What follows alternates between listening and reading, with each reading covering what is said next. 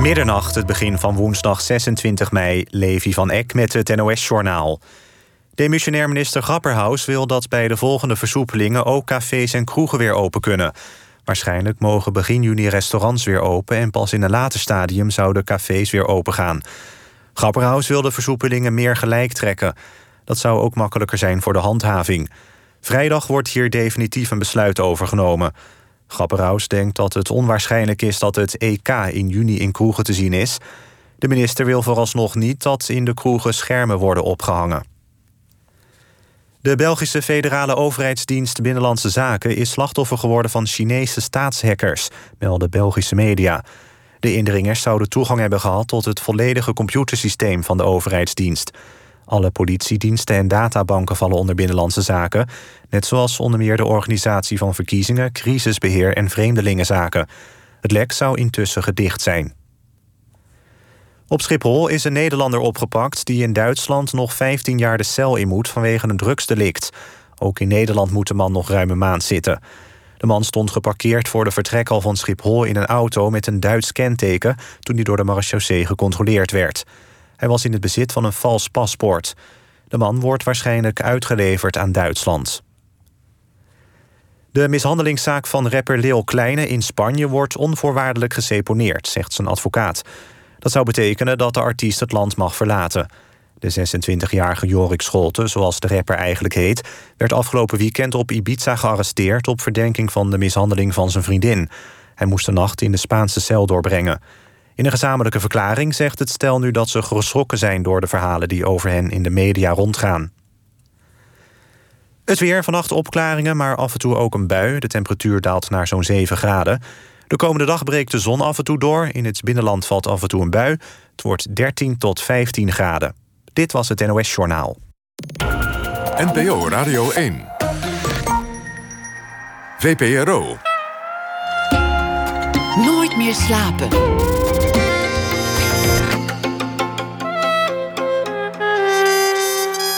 Met Atze de Vriezen. Goedenacht en welkom bij Nooit meer slapen. Toneel is zo'n beetje de meest vluchtige kunstvorm die er is. Je moet erbij zijn.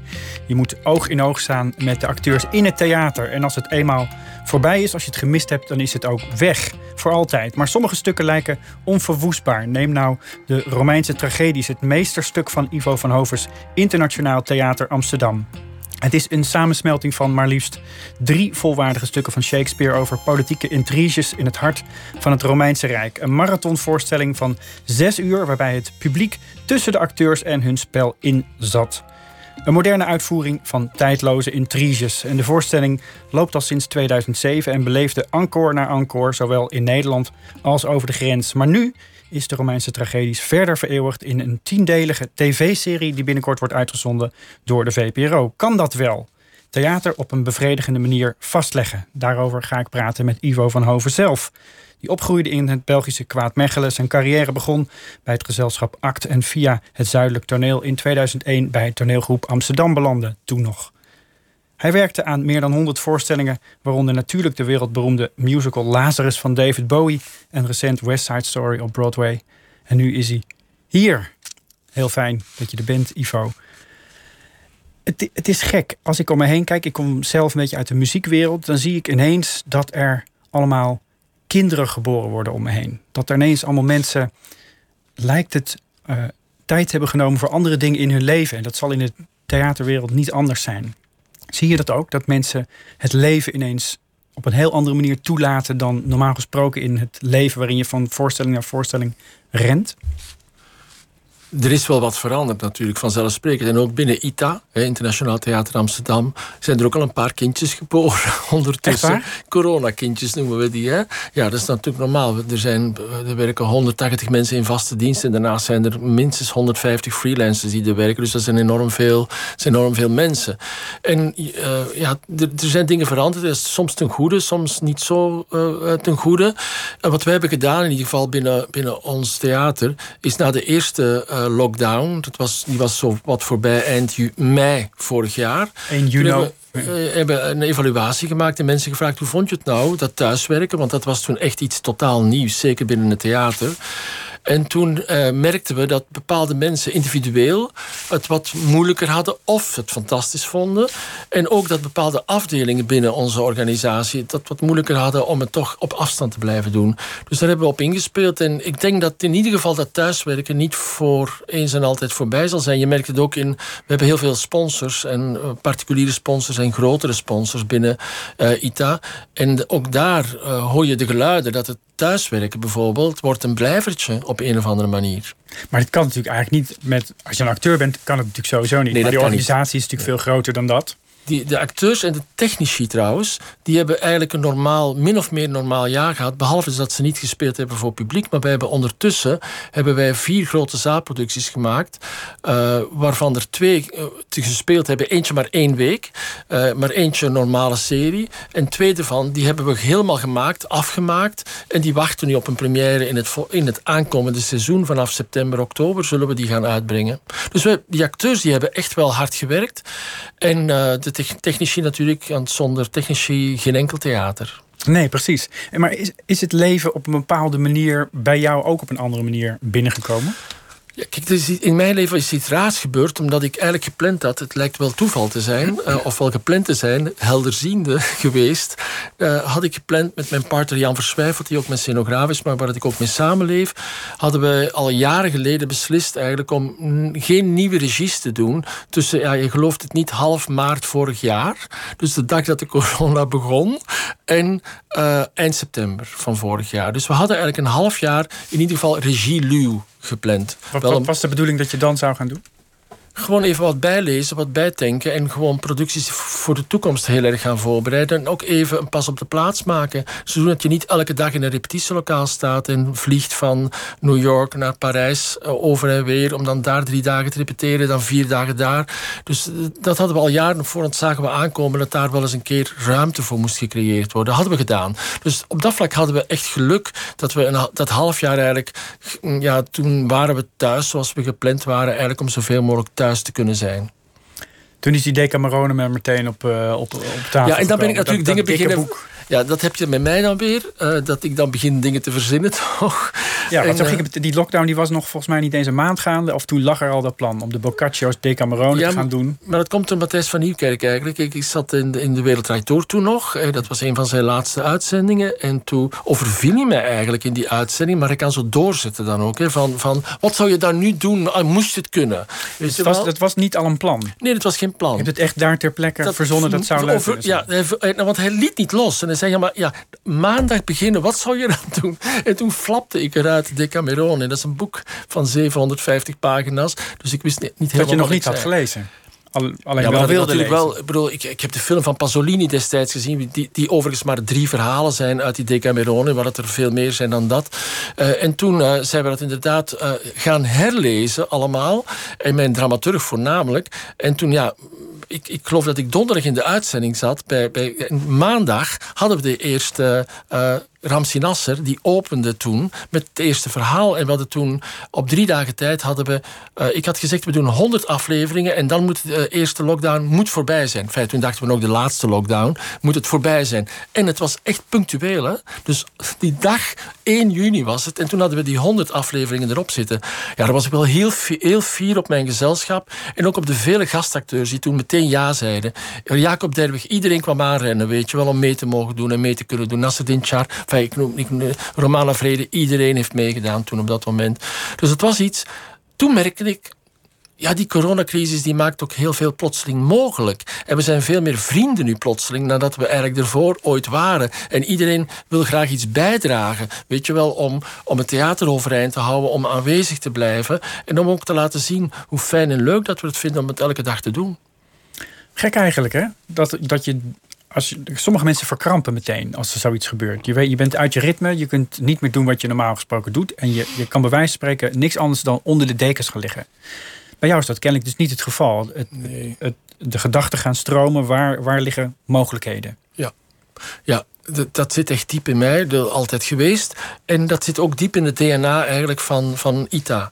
Uh, niet alleen bij mij. Dus uh, heel veel mensen gingen, gingen denken, gingen voorstellen doen. Gingen, uh, en daar is ook bijvoorbeeld uitgekomen een, een, een nieuw initiatief voor livestream, wat wij doen en dan kun je zeggen, ja, livestreamen doet iedereen, maar toch blijken wij een verschilletje gemaakt te hebben. Ten eerste hebben we lang genoeg gewacht, want mensen begonnen livestreams meteen te doen in, in maart, april vorig jaar, maar het zag er allemaal niet uit. Het was allemaal slordig, allemaal met een cameraatje door, door een paar mensen die in het theater dan zelf werkten, snel gefilmd.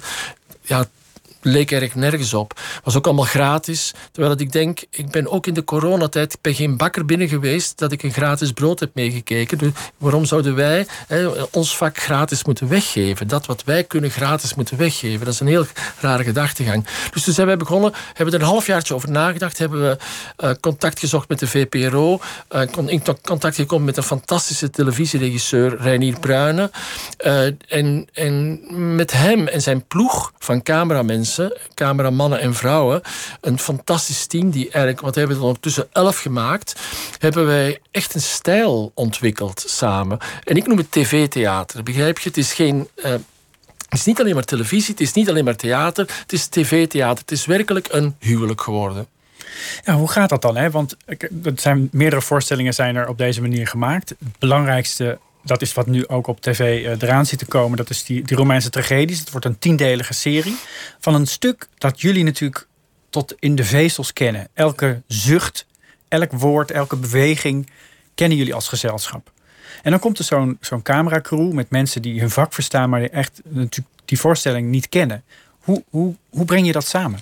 Ja, kijk, eerst en vooral is het goede dat wij van alles registraties hebben. Ik bedoel, gemaakt gewoon voor onze files. En ook, zoals u er straks aangaf, we spelen die voorstellingen van 2007. Soms zit daar een jaar tussen dat we het niet gespeeld hebben. En dan kijken de acteurs ook even naar een registratie van hoe dat het weer was, om het op te frissen. Dus dat hebben we. Dus Reinier bijvoorbeeld heeft werkelijk al die, die hele voorstelling, al die zes uur op voorhand gezien. En dan hebben hij en ik een gesprek daarover. Van hoe gaan we dit aanpakken dit keer? En we hebben natuurlijk ondertussen we zijn natuurlijk niet begonnen met Romeinse tragedies. We zijn begonnen in oktober met een, met een voorstelling die vrij makkelijk te verfilmen was. Daar en daar deden we een monoloog. We hebben dus allerlei verschillende dingen uh, ontwikkeld en, en afgegraast voordat we het grote ding gingen doen. En de Romeinse tragedies was natuurlijk een uitdaging, omdat het in ieder geval, in, zoals je zegt, is zes uur doorlopend in het theater. Er is geen pauze in. In het theater mag je wel binnen en buiten lopen. Je kunt eten wanneer het je wil. maar wij spelen door ondertussen. Uh, dat was het opzet. En om iets van dat opzet uh, aanwezig te houden in, in het, in, in, op televisie was best een uitdaging, omdat we geen publiek mochten hebben. dat was onmogelijk, omdat we het in coronatijd opnamen. En toen heb ik uh, uh, gesuggereerd om om van de camera's die overal aanwezig waren, de kraan die er stond, het mediaspectakel kun je zeggen rondom politici, om daar het centrum van te maken en dat de vervanging laten zijn van het publiek. En het die dus ook letterlijk te laten zien, die camera's. En dat letterlijk te laten zien. En het was voor hen, moest er een beetje, achteraf moet ik ermee lachen, maar de eerste dag, als we, want we namen twee afleveringen per dag op. Best in, intens. Uh, dat is een uur televisie uh, per dag. Met heel veel mensen, non-stop. En dat is best een uitdaging. En in het begin zag ik, zag ik al die cameramensen maar, maar heel erg hun best doen om elkaar uit beeld te houden. Dat is een eerste regel, dat, weet iedereen. inderdaad. Dus, en ik, toen heb ik even stopgezet. Ik heb gezegd, Renier, ik denk dat ik even met, met jullie, met je mensen moet spreken. En toen heb ik echt uitgelegd dat, dat het nog net de bedoeling is dat we, nou, dat we iemand in beeld zien komen, iemand zien filmen in een hele intieme situatie waar dat je normaal nooit zou komen. En ik zeg, van dat is nou net ook wat er eigenlijk in de politiek vaak gebeurt. Hè. Je ziet het overal. Uh, ja, recentelijk nog, dat, dat incident natuurlijk van, uh, uh, wat was het, functie elders. over, ja. bedoel, dat, dat eigenlijk iets gefilmd wordt, wat je van denkt, ja, je loopt met een papiertje buiten, wie kan het nou zien? Maar alles is, je bent dus nooit meer privé. Ik weet zeker als ik hier over de straat zou lopen straks in het Mediapark, ja, hier natuurlijk zeker, maar ook als ik buiten zou lopen. Ik bedoel, je wordt ergens wel gefilmd als je er voorbij komt. Dus je, kunt, je bent nergens echt meer privé. En dat wilde ik overbrengen. Dat ook voor politici dat best een intense manier is om politiek te bedrijven. Dat je altijd bekeken wordt, zelfs in je grootste intimiteiten. Ja, puur de technologie. Alleen al het feit dat twintig jaar geleden dat briefje waarschijnlijk niet scherp op beeld was gekomen en nu wel. Uh, absoluut. En er zijn natuurlijk massa's voorbeelden van. We krijgen alles te zien. Het kapitoolbestorming zitten we middenin. Hoe kan dat nou? Begrijp we zitten er middenin in de oorlog die in het Capitool in Washington zich afspeelt. Dus dat is natuurlijk heel gewoon geworden voor ons. Maar dat wilde ik ook onderdeel laten zijn van die voorstelling. Wat het toen niet was in 2007, toen als we het deden.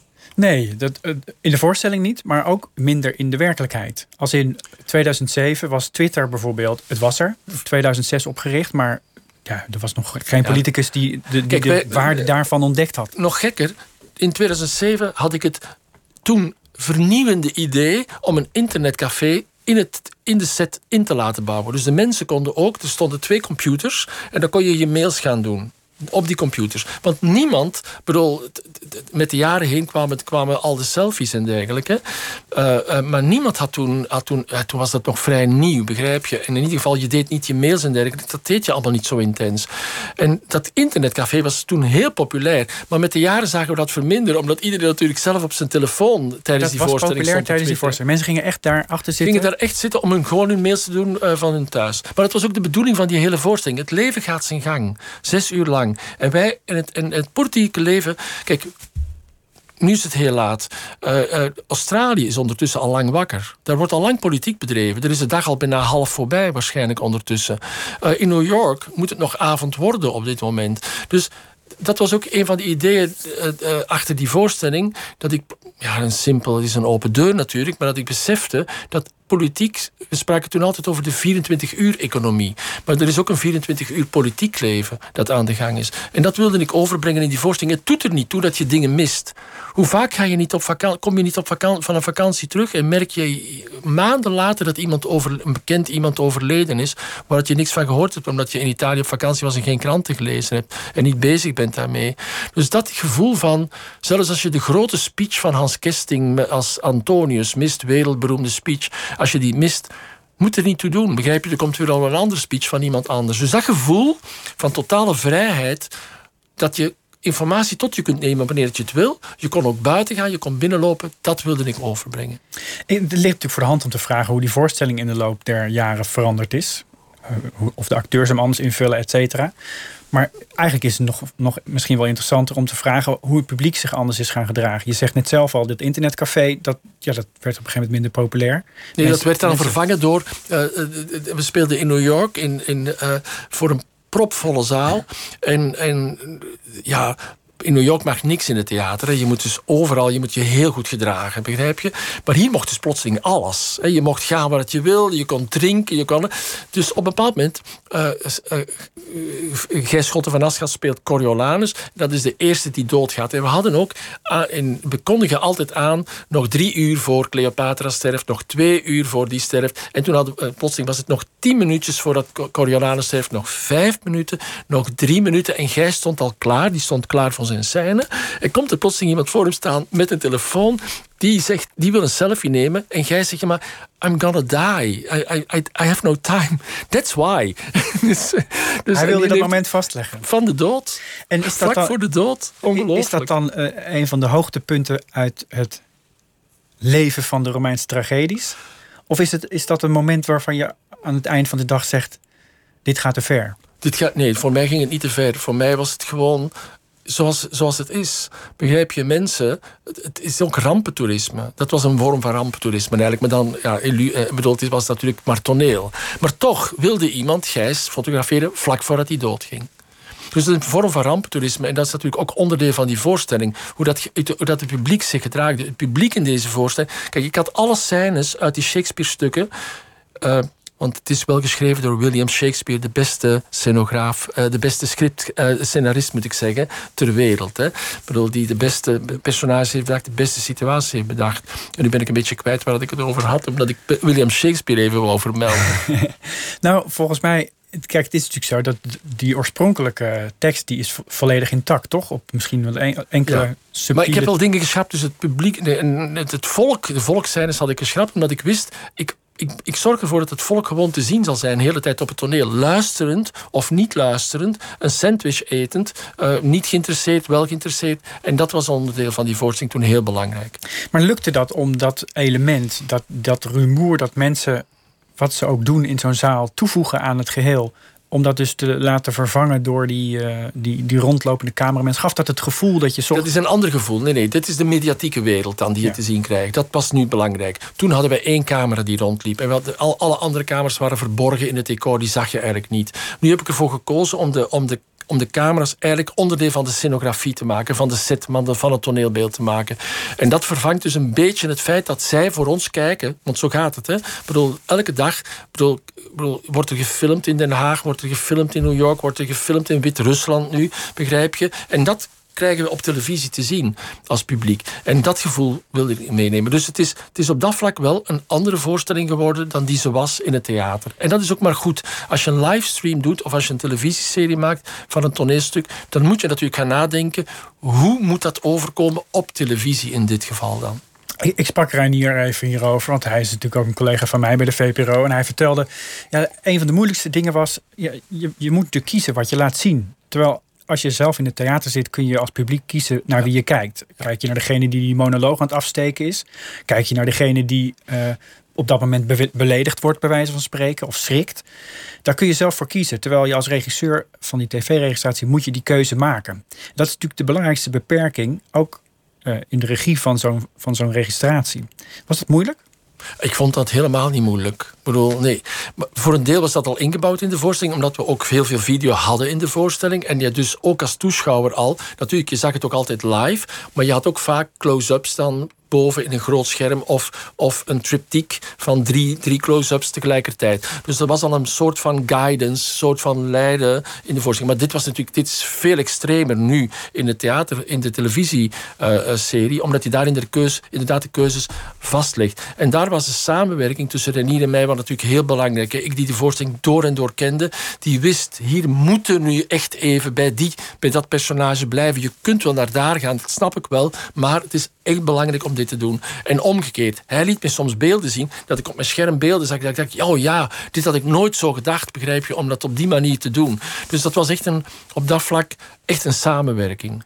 Dat is natuurlijk wat dat betreft een mooie bijkomstigheid van die coronacrisis. Want het huwelijk tussen de televisie en het theater is niet vanzelfsprekend. Nee. Uh, is, is dat nu een soort doorbraak, zou je dat zo kunnen zeggen? Uh, ja, kijk, uh, het zal afhangen van het succes dat, het, dat die uitzendingen nu allemaal hebben. Die, die, want de Romeinse tragedie is niet het enige wat uitgezonden wordt vanuit het theater. Uh, kijk, het is in ieder geval zo dat ik denk, zoals vroeger in de talkshows, ik bedoel, kwam theater niet zo vaak langs. Hè? Want wij worden toch altijd gezien als, als, als moeilijk. Moeilijke mensen. Dat is totaal ten onrechte.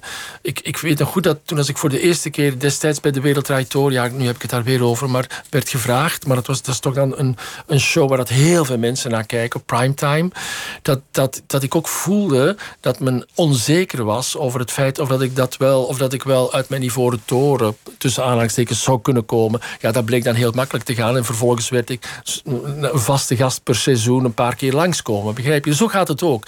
En nu hebben we ook, in ieder geval in, in de samenwerking met de VPRO, hebben we in elkaar enorm gevonden. En, en hoop, ik, hoop ik, er zijn intense contacten, we spreken veel met elkaar, we hebben elkaar leren kennen, we hebben elkaar staal geleerd, mekaars gevoeligheid. We weten ook wanneer we even moeten doorzetten. Zij naar ons toe, wij naar hun toe. En, en we hebben ontdekt dat we samen iets kunnen maken wat we apart niet kunnen. Uh, ik had de mensen, ik had Renier en zijn team echt nodig om dit tot het level te krijgen, visueel wat het nu is.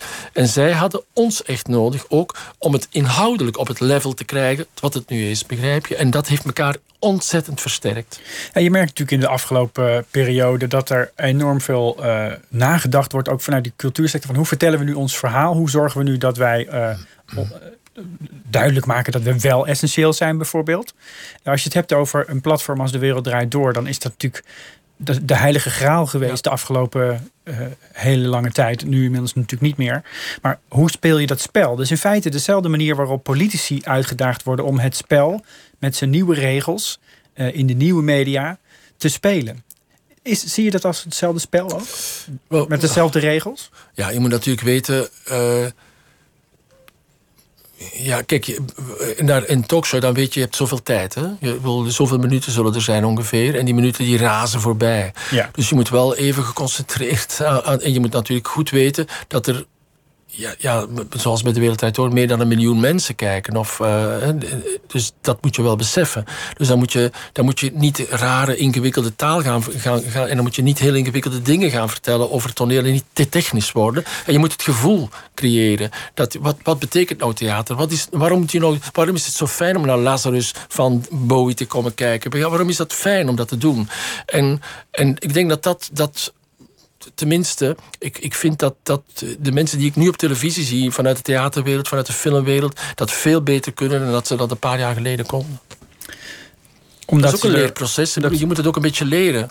En, en je moet je angst overwinnen. En ook niet voor de bühne, niet voor je eigen parochie praten, maar gewoon dan. Kijk, voor mij is het in ieder geval. Ik zal voor mezelf spreken. Want mijn doel is altijd geweest uh, uh, om het meest extreme, het meest urgente theater te maken. Het meest persoonlijk urgente, maar ook het meest maatschappelijk urgente theater te maken. Maar voor, maar voor een zo groot mogelijk publiek. Ik schaam mij helemaal niet om op Broadway te staan.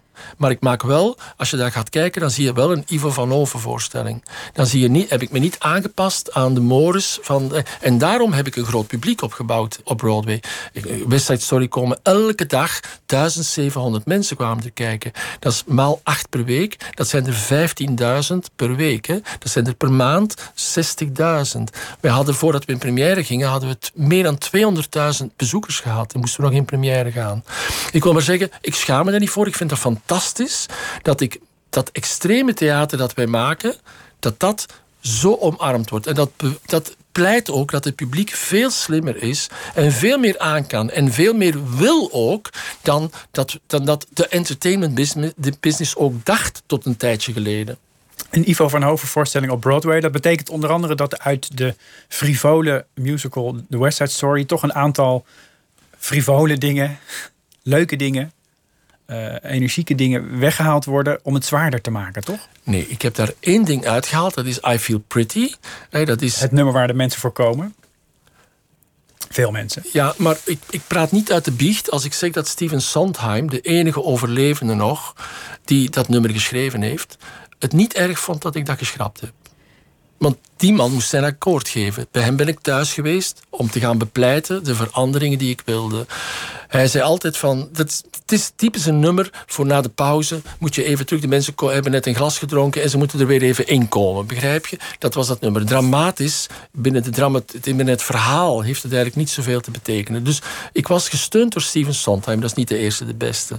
Dus uh, ja, kijk, ik, ik, heb, ik, ik, heb ook gezegd op voorhand, ik, ik doe het enkel maar. Het was mijn eigen voorstel, West Side Story. Ik ben ermee naar de producer gegaan en ik heb gezegd, ik wil het alleen maar doen als het zonder pauze is. Als het in één trek doorgaat. Uh, en als uh, I Feel Pretty sneuvelt.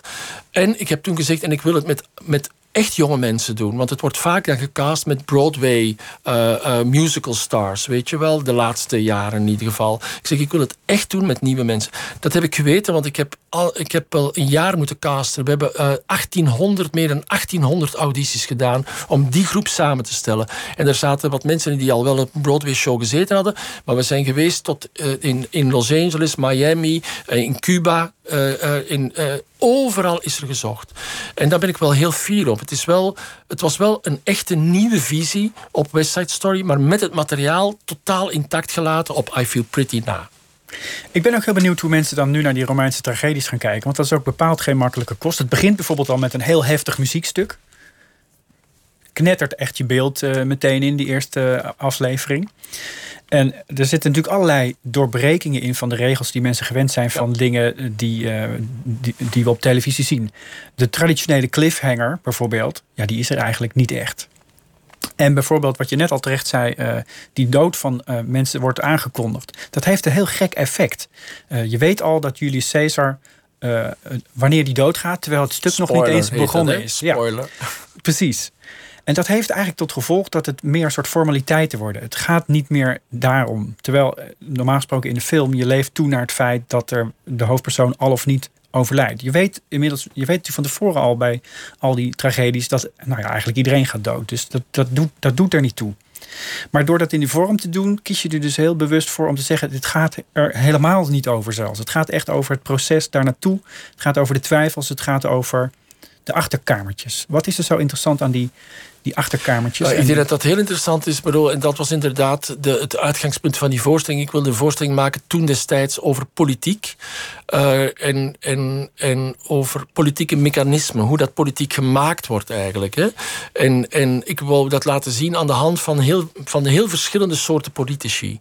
En, en, en, laten, en laten zien waar maken die nu een fatale fouten. Waar, waar is dat nu? Bijvoorbeeld in het tweede deel van, van de serie, in het middendeel van de serie, zit, zit uh, Julius Caesar, is dat stuk, heet dat. En er is een figuur Brutus. En Brutus is een politicus die eigenlijk. Uh, alles goed op een rij heeft in zijn hoofd.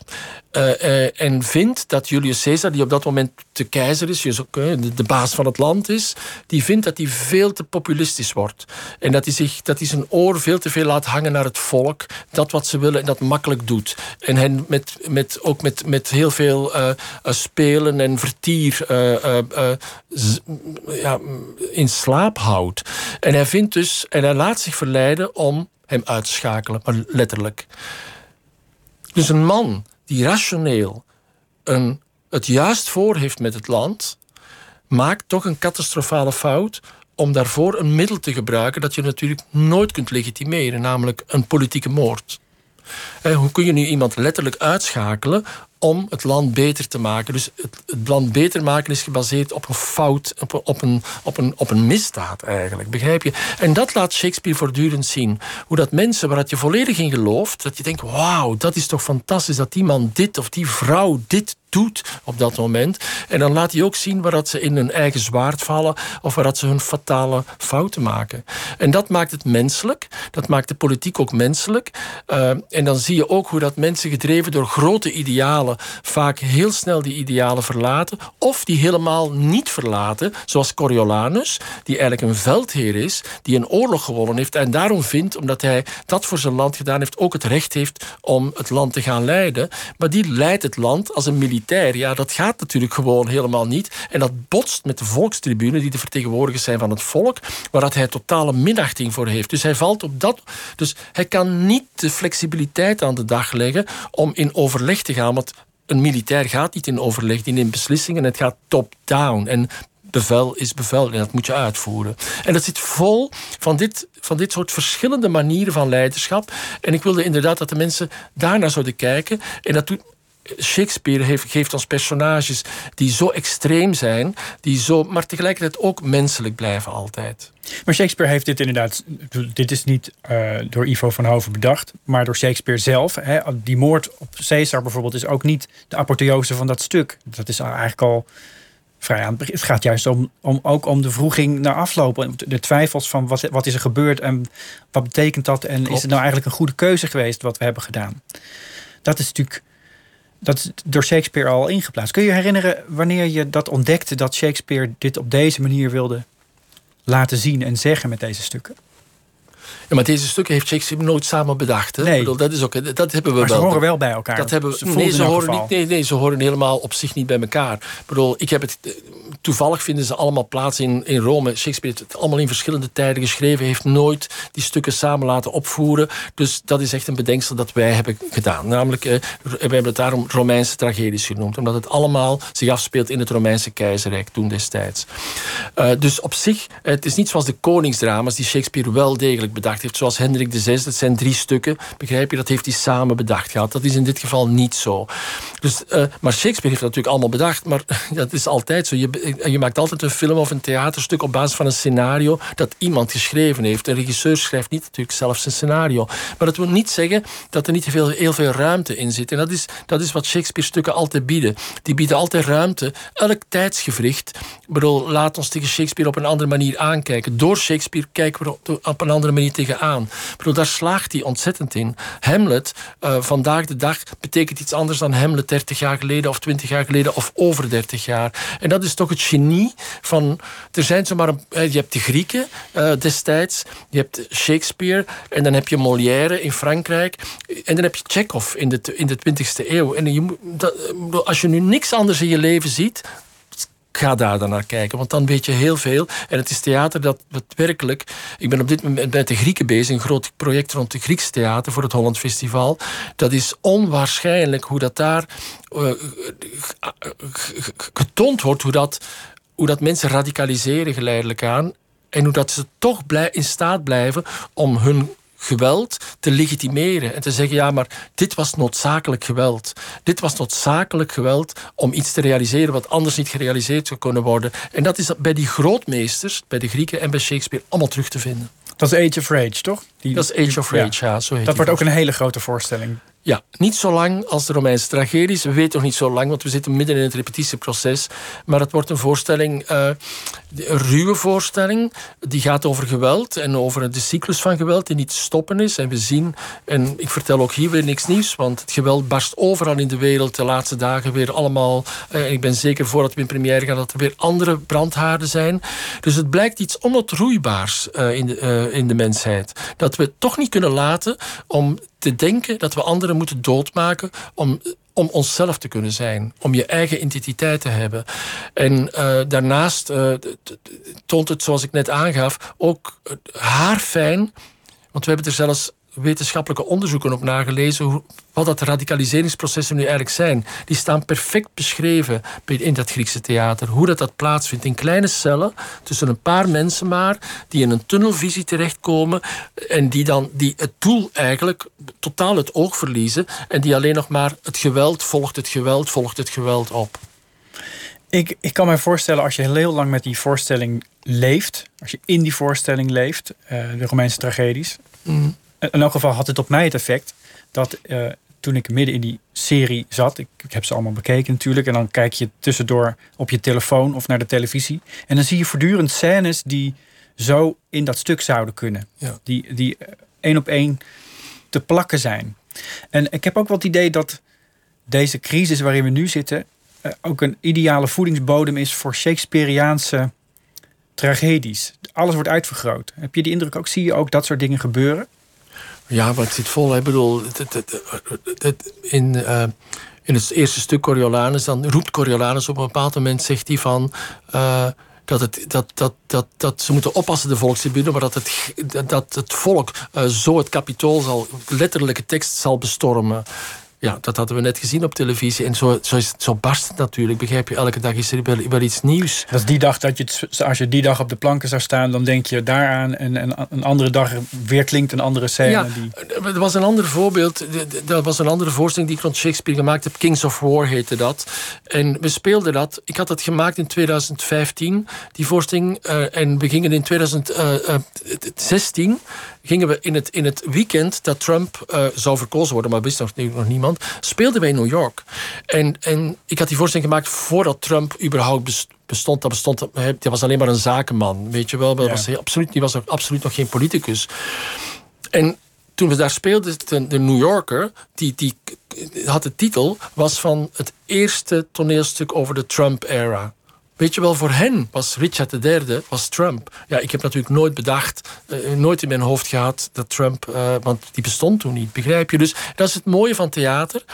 Uh, en dat is tenminste ook het theater wat ik wil maken. Ik wil graag politiek theater maken, maar niet politiek van. Ik ga niet een, een pruikje dat lijkt op Trump of, of lijkt op Rutte. Dat ga ik niet doen. Dat, vind ik, dat is cabaret eigenlijk. Hè. Weet je wel, is een andere vorm, andere tak van sport. Ook heel belangrijk, maar dat is iets anders. Dus ik wil toch theater maken dat, dat de jaren kan overleven. En uh, die voorstelling, een voorstelling als Romeinen heeft dus 14 jaar gespeeld. Uh, en, en, en kan nog 14 jaar doorgaan, omdat het niet tijdsgebonden is. Maar je kunt er in verschillende tijden wel andere figuren in herkennen en andere situaties in herkennen. Ja, voor, voor mij leek Cleopatra ineens het meest op Trump omdat het een van, de, een van mijn favoriete scènes in die hele lange marathon is het moment dat Cleopatra te horen krijgt dat haar geliefde Marcus Antonius een andere, uh, een andere vrouw getrouwd heeft. En zij wordt dan waanzinnig kwaad op de boodschapper van dat nieuws, de brenger van dat nieuws. En die, nou, die legt ze bijna om. Dat gebeurt dan net niet helemaal, maar daar, daar zit zo'n enorme rauwe. Um, uh, eigenlijk een soort daad, bullying een daad van ja bullying, maar ook een daad van macht vanuit uh, gekrenkt ego. Ja, maar Cleopatra is natuurlijk uh, uh, echt een, een grote leider, zou ik kunnen zeggen. Die, die leidde een enorm uh, rijk. Hè. De, toen, toen, was Egypte was een enorm wereldrijk. En, en, en, en Antonius kwam uit Rome. Dat was een andere. Je zou nu kunnen zeggen dat zijn twee. Dat is China tegenover de, de Verenigde Staten. Zo moet je dat zien. Hè. En Cleopatra leidde dat. Hè. Dat was niet zomaar een onbeduidende het vrouw. Van de farao. Nee. Dat was absoluut niet zo. Hè. Dat was, zij leidde het land. En dan kun je er van alle kritiek op hebben hoe dat ze dat gedaan heeft. Maar die, zij, deed, zij leidde ook oorlogen en dergelijke, begrijp je? Dus op dat vlak was bullying haar niet vreemd. Wel fascinerend. Dat is natuurlijk een van de weinige rollen die op een natuurlijke manier door een vrouw gespeeld kan worden. Er zijn bepaalde rollen in de stukken zijn door vrouwen vertolkt die eigenlijk oorspronkelijk voor mannen bedoeld waren.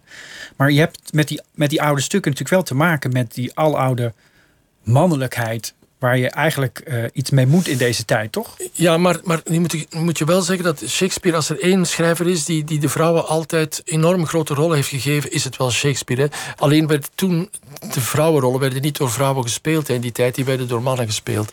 Uh, uh, maar goed, dat is nu al lang niet meer zo. En die vrouwenrollen zijn wel fenomenaal. Hè? Ik bedoel, in, in, in de Romeinse tragedies, het begint al met in het eerste stuk Volumnia. Dat is de, de, de moeder van Coriolanus. Coriolanus die zich dus eigenlijk als een kind gedraagt bijna, die, die, die alleen maar zijn gelijk wil krijgen. En Volumnia, die leert hem wat politiek is en hoe dat je politiek moet bedrijven. Dus Volumnia is de beste politica in dat hele stuk. En dan in het tweede stuk heb je, je ook twee vrouwen, die, de, de, de vrouw van, van Brutus en de vrouw van Julius Caesar, die die, die hele, uh, uh, zeker de vrouw van, van Julius Caesar, geeft hem heel goede raad. Namelijk, ga niet vandaag naar het kapitool. Ze zegt, ik voel dat er iets aan de gang is, begrijp je? En hij zegt, ja nee, ik ga toch. En hij wordt vermoord.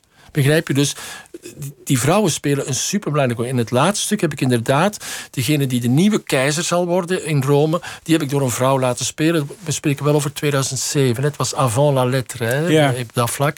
Omdat ik dat toen al belangrijk vond, dat ook de, het keizerrijk, uiteindelijk het Romeinse keizerrijk, door een vrouw zou kunnen geleid moeten worden. Moeten, en dat wilde ik duidelijk maken. En dat kon ook heel makkelijk, omdat uh, in deze stukken zijn er ook niet, niet, niet echtelijke relaties uh, en dergelijke die de boventoon spelen. Het is werkelijk het leiderschap dat het boventoon speelde.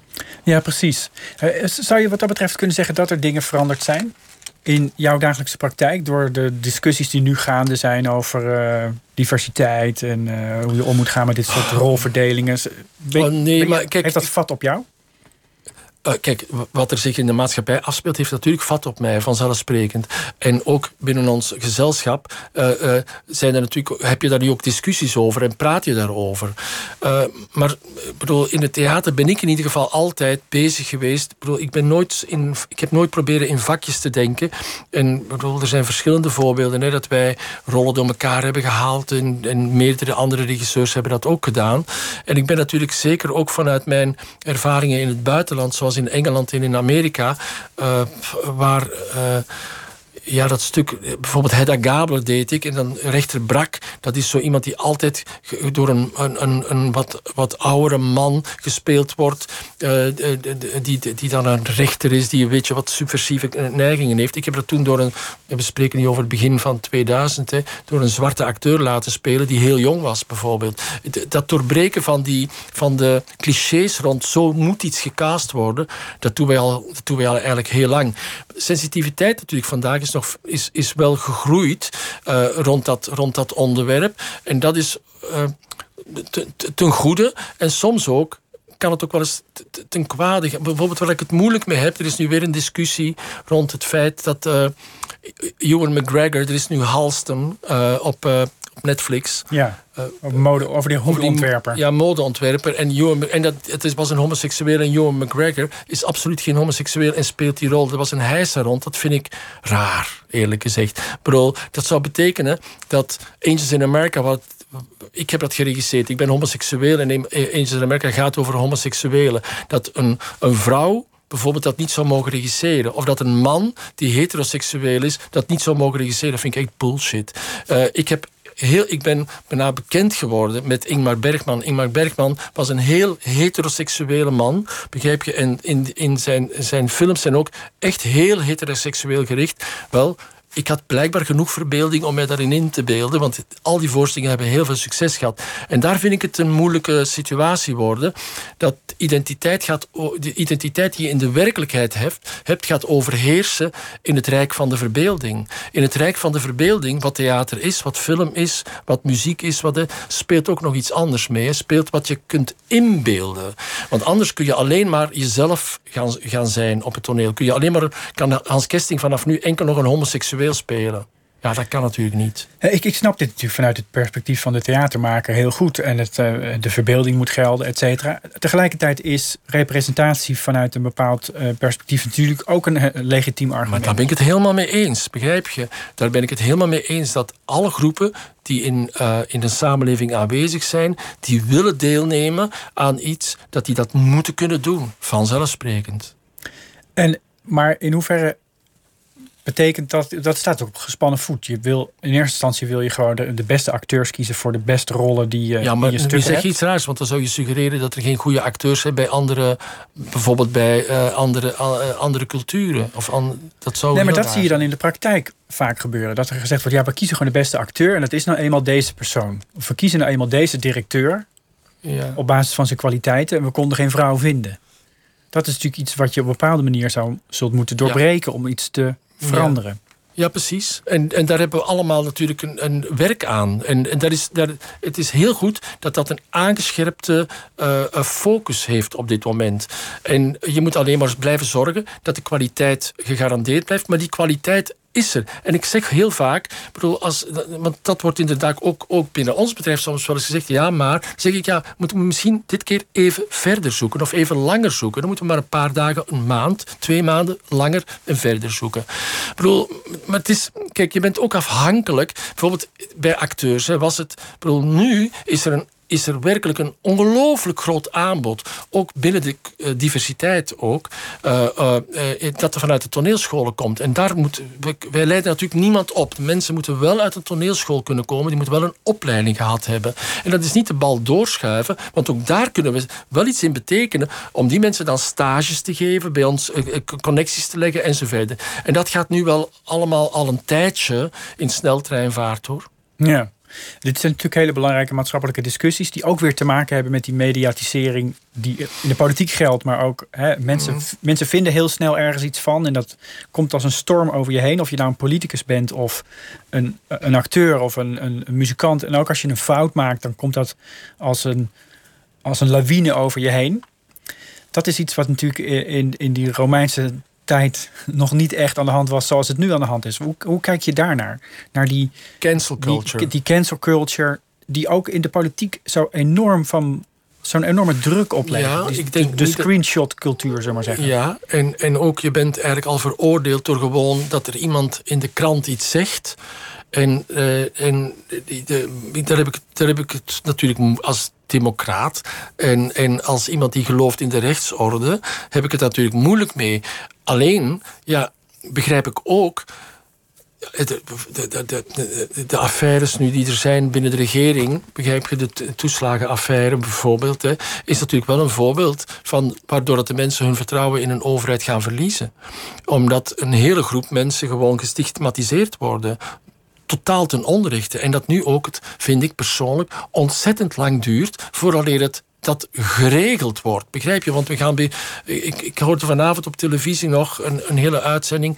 Dat, dat de ombudsman zei van. Ja, het wordt de mensen nu wel heel moeilijk gemaakt. met heel veel papieren. maar dat ze niet altijd van begrijpen wat erin staat. waardoor het zo weer moeten gaan vragen. wat moet ik nu precies doen? Waardoor het een enorme vertraging. Ja, dat vind ik schandalig, met alle respect. En dat is natuurlijk wel ook een probleem. dat die, dat, dat die overheid ondertussen. ja, ontzettend en dat is niet alleen de overheid, hè, dat is ook in een samenleving. We hebben zoveel in procedures vastgelegd dat we ons heel makkelijk kunnen verschuilen achter de procedures. Ik, ik probeer dat ook binnen ITA, om een rare link te leggen hoor, maar ik heb altijd gezegd, waar zijn wij voor? Waar werken al die 180 mensen voor elke dag? Dat is om het beste toneel ter wereld op dat toneel te krijgen. Daar zijn we voor. De boekhouder is niet voor zijn boekhouding. De boekhouder is om ervoor te zorgen dat de boekhouding goed op orde is, zodat we het maximale geld kunnen besteden aan het beste theater. Nooit het doel uit Precies. Je moet het, het, het, het, het middel kan niet het doel zijn. En dat is we zitten soms in Nederland afgegleden naar een maatschappij waar dat de regelgeving eigenlijk het doel is geworden. En dat, dat is eigenlijk, vind ik, aan herziening toe. Ik ben geen politicus, ik weet niet hoe dat moet, maar ik, dat is duidelijk aan herziening toe. Dat de technocratie en de procedures een beetje transparanter moeten worden terug. Maar we hadden het aan het begin over de rol van het publiek bij de voorstelling Romeinse tragedies toen die nog in theater gespeeld kon worden. Je ziet dus eigenlijk ook nu dat dat publiek eh, in de daadwerkelijke politieke arena een nieuwe vorm van macht heeft gekregen en daar nog mee moet leren omgaan. Je, je kunt dus eigenlijk afdwingen dat er iets gebeurt in de politieke arena door maar genoeg druk uit te oefenen. Maar dat levert ook op dat het knettert op een, op een manier zoals het tot nu toe vroeger niet kon. Die, en die achterkamertjes die in die tragedies van, uh, van Shakespeare zo mooi uh, um, ja, te zien zijn eigenlijk. Ja, die, die worden nu, daar wordt nu op gebeukt. Er wordt eigenlijk afgedwongen dat die af, achterkamertjes niet meer mogen bestaan. ja, maar ook dat, dat slaat. Ja, maar kijk, maar twee dingen zeg je. Hè. Ik bedoel, enerzijds, er is veel meer protest op dit moment. Hè, over, niet alleen maar in Nederland, maar over heel de wereld. Uh, en anderzijds is er. Is er want ik heb nu zelf gezegd, er moet meer wat transparantie komen. Maar ik geloof natuurlijk. Kijk, ik weet al te goed dat je soms heel veel voor elkaar kunt krijgen door iemand gewoon in de ogen te kijken tijdens een vergadering. En dat iemand begrijpt wat je wil zeggen: van we gaan dit steunen of we gaan dit niet steunen. Dus ik bedoel, ik, de, de, absurditeit dat nu alle, eh, alle ministerraden, eh, dat alle verslagen nu naar buiten zouden moeten komen en dergelijke. Ja, bedoel, ik, ik begrijp heel goed dat dat regeren eigenlijk onmogelijk maakt.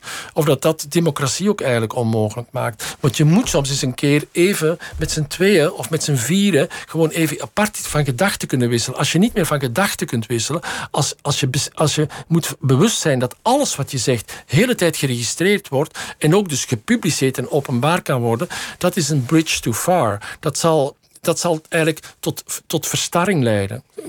Tot, tot, ja, tot een geloof ik echt niet tot een verbetering, maar tot verstarring leiden.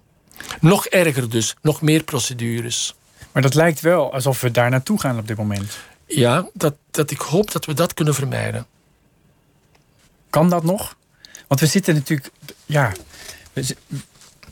de, de verslagen van de ministerraad moeten openbaar worden. Terwijl ik, ik kan me inderdaad ook heel goed voorstellen dat wat daar gezegd wordt, moet, er moet toch binnen kamers, binnen kamers kunnen blijven. En tegelijkertijd moet op, op tafel komen. De besluiten moeten natuurlijk naar buiten komen en dat moet transparant zijn. Waarom? Maar de gedachtegang daar naartoe, dan moet toch iedereen zich vrij kunnen voelen om ook te kunnen, zijn twijfel uh, op de tafel te kunnen leggen. Zonder dat je dan vervolgens te boek staat als de eeuwige twijfelaar bijvoorbeeld, of degene die altijd de moeilijke vragen stelt. Dat zou niet mogen. Een echte democratie zou moeten bestaan staan in, in, in het is Hannah Arendt, bedoel, een fantastische vrouw die fantastische boeken geschreven over politiek en over macht en over, over de massa en. Die heeft dat eens een keer gezegd. Hè. Een, een, een compromis, dat zijn twee meningen. Een goed compromis, zegt ze, zijn twee meningen die samenkomen en die vormen een derde betere mening. Een compromis is niet de helft van elk ding, is een betere mening een goed compromis. Dat is, dat is eigenlijk binnen al het geweld, het letterlijke en figuurlijke geweld van die Shakespeareaanse tragedies, een betoog om af en toe eens even wat rust te houden en na te denken. Oh, maar sowieso. En uh, dat is ook een van de. Brutus doet dat bijvoorbeeld. Hè. Die, die, er zijn nachtelijke scènes waar hij alleen is op zijn kamer. En dan praat hij met een denkbeeldig iemand.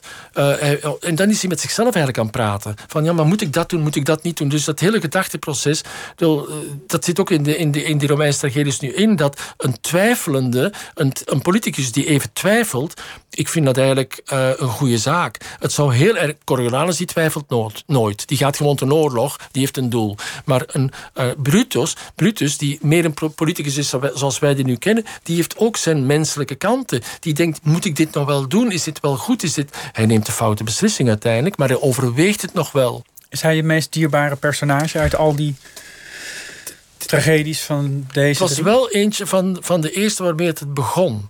En destijds was het, was het ge- geïnspireerd een beetje door de Wouter Bos tapes. Eh, die toen eh, op televisie kwamen. En toen zag je Wouter Bos ook op een. Ik weet niet, een onbewaakt moment of niet. Het werd in ieder geval, het was gefilmd op zijn kamer alleen rond ijsberen.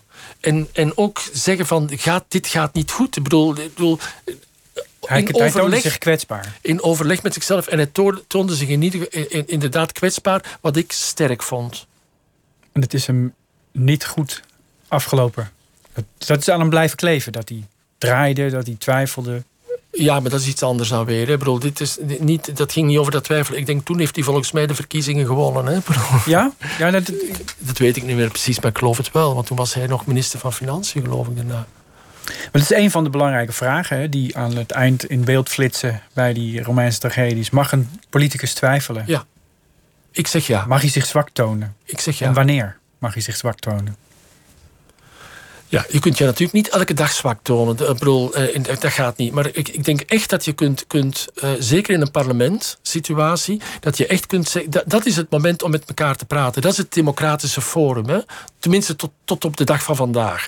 Dat is het moment om dat te doen. Eén keer als je voor de camera staat en je hebt de beslissingen genomen, ja, dan moet je je beslissingen naar buiten brengen en die moet je transparant verdedigen. Begrijp je? Maar ik vind dat je in de Kamer zeggen: Ik heb een fout gemaakt. Ik vind dat daar niks fout mee is om dat te doen. Ik vind dat je dat sterk maakt, als je het meent tenminste. Ja, dat lijkt mij sterker dan te zeggen dat je het vergeten bent. Maar dat is natuurlijk een beetje gemeengoed geworden in de Nederlandse Ja, politiek. Ja, Ja. klopt. Dit, dit is nu afgerond, dit, eh, dit grote project. Dat gaat straks op televisie te zien zijn. Die Age of Rage komt, komt er dus aan. Maar ja, dat moet wel natuurlijk op de planken kunnen. Wat nou Ja. als dat niet kan? Ach ja, maar kijk, we, maken dat, we zijn er volop aan het repeteren. We, zitten elke dag met 60, 70 mensen te werken. Heel veel getest eh, wordt er bij ons. Binnen ITA daar zijn we heel behendig in geworden de, de, met de dokters rondom ons heen. Eh, en als, kijk, we maken dat heel, in ieder geval af. Eh, en als het niet in het, in het Holland Festival in première... We gaan normaal gezien op 20 juni in première. Als alles goed gaat. Eh wij hebben alle hoop. Het ziet er naar uit dat het gaat kunnen. Eh, en als dat niet kan, dan brengen we het op een ander moment uit. Dat zal dan in het najaar zijn. Kun je er iets bij voorstellen dat we nog, nog, nog een jaar, nog twee jaar met zo'n situatie zitten? Of is dat Nee, maar ik toch echt wel dat- radeloos? Maar de game changer is toch ja, ik, de vaccinaties. Eh, eh, dat wordt de game changer. In, in, bijvoorbeeld in, in Amerika, waar ze heel goed zijn met de vaccinaties. Ik heb twee, twee uitnodigingen gekregen vanuit Amerika. Ik mocht er zo'n ik mocht zo'n vaccinatie hebben. Ik mocht beslissen wan- wanneer ik kom en wanneer dat ik, welk dat ik wilde. Beetje anders dan in Nederland. Want de dag dat ik, dat ik opgeroepen werd, kon ik niet. Ik had een professionele opdracht net over de grens. En ik kon niet terugkomen. Begrijp je nou? Dat was opgestaan plaatsvergaan. In Nederland? Ja, dat, eh, goed, het is wel in orde gekomen uiteindelijk dan, daarna. Maar het, dat is toch raar. Begrijp je? Dat ik denk, ik ben voor mijn werk officieel met papieren in het buitenland aan het werk. Begrijp je? Eh, alles geregeld, begrijp je? Met alles erop en eraan. En dan toch is het, wordt het je heel moeilijk gemaakt. Weer die procedureslag, weet je wel, om gewoon in te schuiven. Ja, dat vond ik, vind moeilijk. Terwijl, kijk, maar ik had het nu over Amerika. Daar merk je dat die vaccinatie... Er is nu al gezegd van als je, als je gevaccineerd bent met twee vaccins... eh, daar wordt meestal Pfizer gedaan... eh, dan, eh, dan kun je dus veel meer in de toekomst. Dus dat is wel een heel belangrijke boodschap naar de wereld. Want Amerika is een heel groot land met heel grote steden... waar heel veel mensen wonen. En ik denk dat... Je merkt nu ook al dat ook in Nederland die, die, die discussie begint te spelen. Dat als de vaccins gebeurd zijn... Kijk, ooit komt er een moment dat, dat, dit, dat dit virus, zoals het griepvirus, was ook verschrikkelijk dodelijk in het begin van de vorige eeuw. hè. Dat heeft ook anderhalf tot twee jaar geduurd, hè, de Spaanse griep. Eh, met massaal veel doden. En nu leven we met de griep. Hè. Ik krijg elk jaar een griepprik. Ik heb af en toe wel eens griep gehad mijn leven, niet zoveel. Andere mensen gaan er dan... En er sterven elk jaar heel veel mensen aan griep. Want dood gaan we allemaal op een bepaald moment van iets. Weet je wel? Op een bepaald moment zullen we accepteren dat dit gaat behoren tot ons leven. En zullen we ons laten vaccineren elk jaar? Want ik denk niet dat er echt een definitief vaccin gevonden, gevonden gaat, echt een medicijn gevonden zal worden. Je weet nooit. En zo gaat het, denk ik, geleidelijk aan evolueren. Zo Maar- evolueert het nu al eigenlijk geleidelijk aan. laten we hopen dat in elk geval die, die, die zaal weer op anderhalve meter gevuld wordt. En dat die snel weer helemaal vol zit. En tot die tijd zullen we het dan maar even moeten doen met die grote Romeinse tragedies op televisie. Binnenkort te zien in tien delen. Ivo van Hoven, heel erg bedankt dat je er was en erover wilde vertellen. Morgen is architect Winnie Maas te gast bij Nooit meer slapen. Die aan de stad van de toekomst bouwt. Nooit meer slapen is ook te horen overigens als podcast. En Miss Podcast, dat is hierna het volgende programma met Milou Brandt te gast bij Barry Beijer. Een hele goede nacht.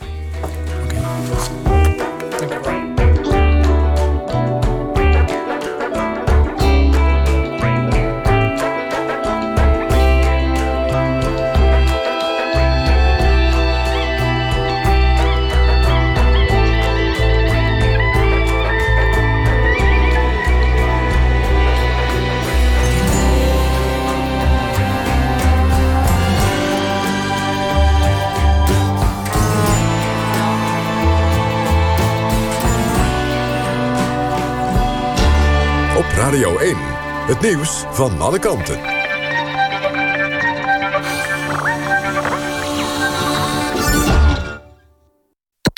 NPO Radio 1.